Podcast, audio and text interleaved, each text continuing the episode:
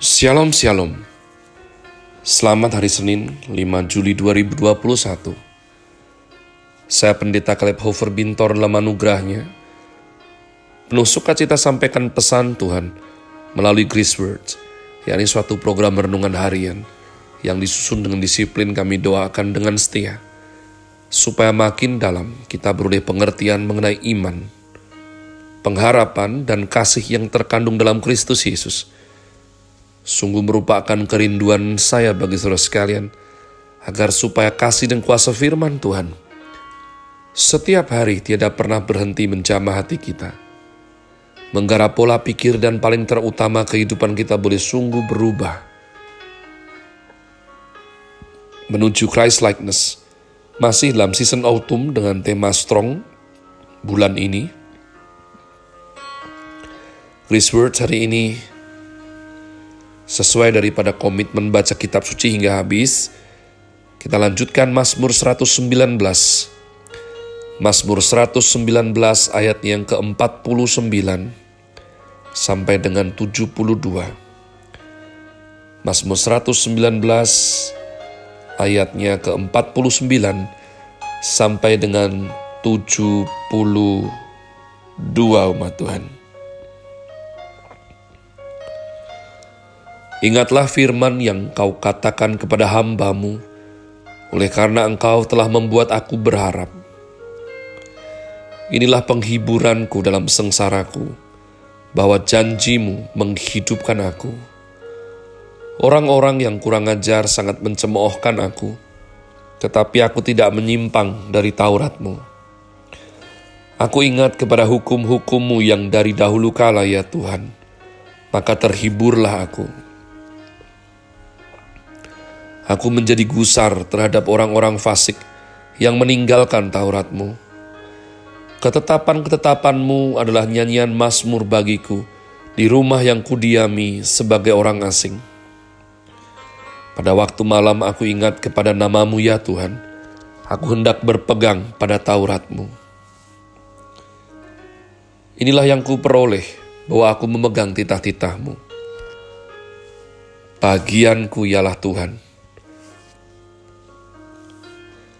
Aku telah berjanji untuk berpegang pada firman-firmanmu. Aku memohon belas kasihanmu dengan segenap hati. Kasihanilah aku sesuai dengan janjimu.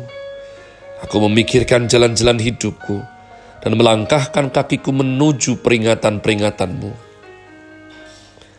Aku bersegera dan tidak berlambat-lambat untuk berpegang pada perintah-perintahmu Tali-tali orang fasik membelit aku, tetapi Tauratmu tidak kulupakan. Tengah malam aku bangun untuk bersyukur kepadamu atas hukum-hukummu yang adil. Aku bersekutu dengan semua orang yang takut kepadamu dan dengan orang-orang yang berpegang pada titah-titahmu.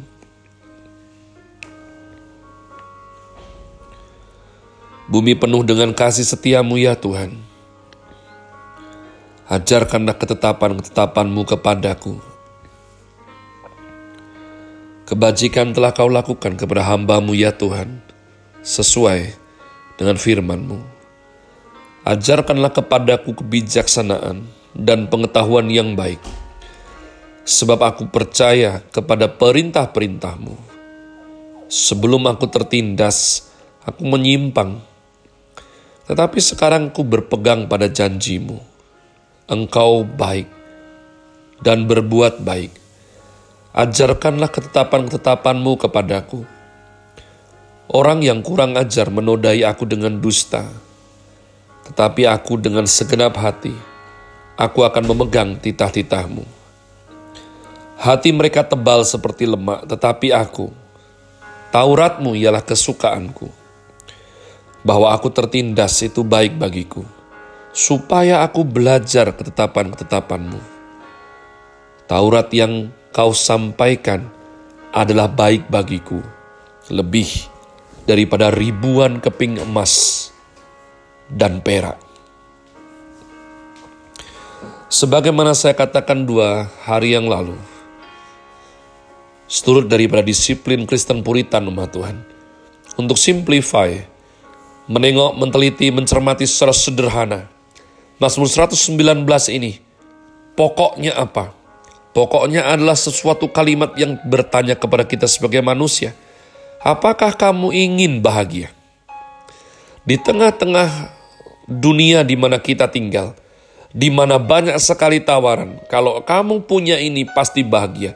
Kalau kamu beli ini pasti bahagia. Kalau kamu cantik ganteng, kalau kamu tenar, kalau kamu punya teman yang berpangkat, kalau kamu punya deposito di bank sebanyak seberapa miliar, kamu pasti bahagia. Dan umat Tuhan hidup sudah mengajarkan betapa rapuh, rentan, dan tidak bisa dipercaya semua hal-hal tersebut. Firman Tuhan mengajarkan, kalau kamu mau bahagia, kamu harus hidup sesuai firman Tuhan.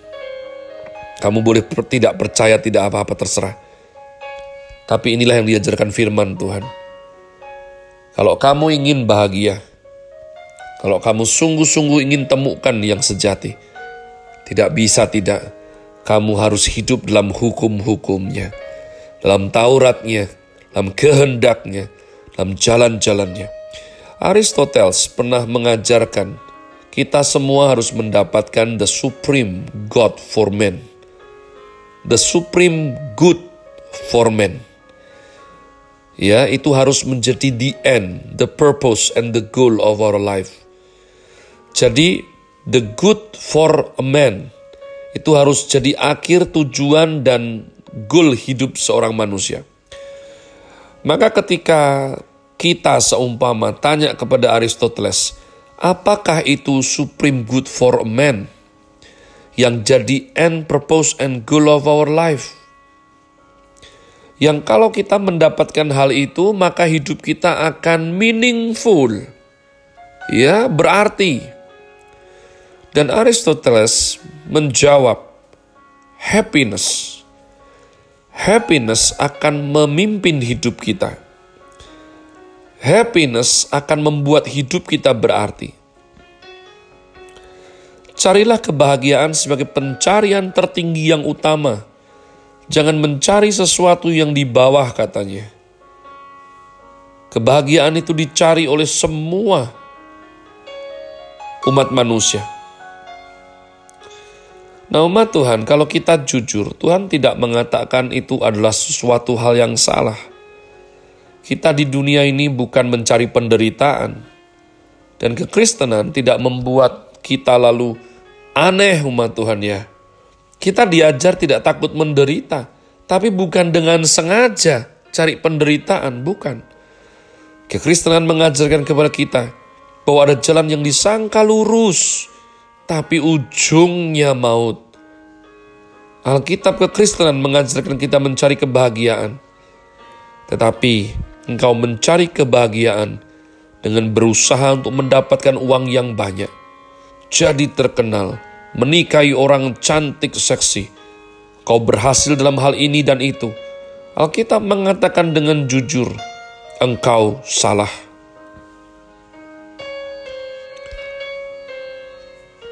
Bahkan ketika kita memiliki satu relation yang kita pikir kita akan bahagia dengannya, kita salah.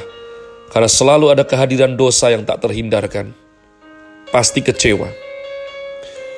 Maka ini adalah suatu jalan yang kita pikir lurus. Lurus tapi ujungnya menuju maut. Manusia tidak akan bahagia dengan apa pun saja yang ada di dunia ini. Apa jalan kebahagiaan menurut Alkitab? Alkitab mengatakan taat kepada firman Tuhan.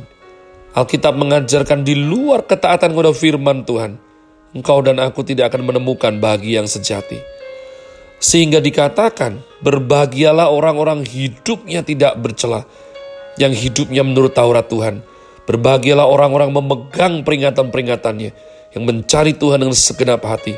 Apakah sungguh-sungguh kita bisa mempercayai hal ini? Yang berbahagia adalah yang mentaati firman. Bahagia dan obedience tidak bisa dipisahkan umat Tuhan. Pemasmur mengatakan, berbahagialah orang hidupnya tidak bercela, yang hidup menurut Taurat Tuhan, yang hidupnya sehari-hari adalah berusaha mengenal Tuhan melalui firman kebenaran. Pertama saya dengar ini, tentunya saya punya hak untuk menolaknya. Tapi saya bersaksi saya mengalaminya umat Tuhan. Firman Tuhan sungguh membuat hidup saya bahagia. Firman Tuhan sungguh telah menjadi pelita di masa-masa paling gelap dalam hidup saya. Firman Tuhan sungguh menjadi suatu penghiburan yang ajaib. Di saat saya pahit, di saat saya sakit, di saat saya dikhianati, di saat saya sudah tidak berpengharapan, Sungguh-sungguh Tuhan kuatkan, Tuhan hiburkan, Tuhan berikan kebahagiaan melalui firman-Nya.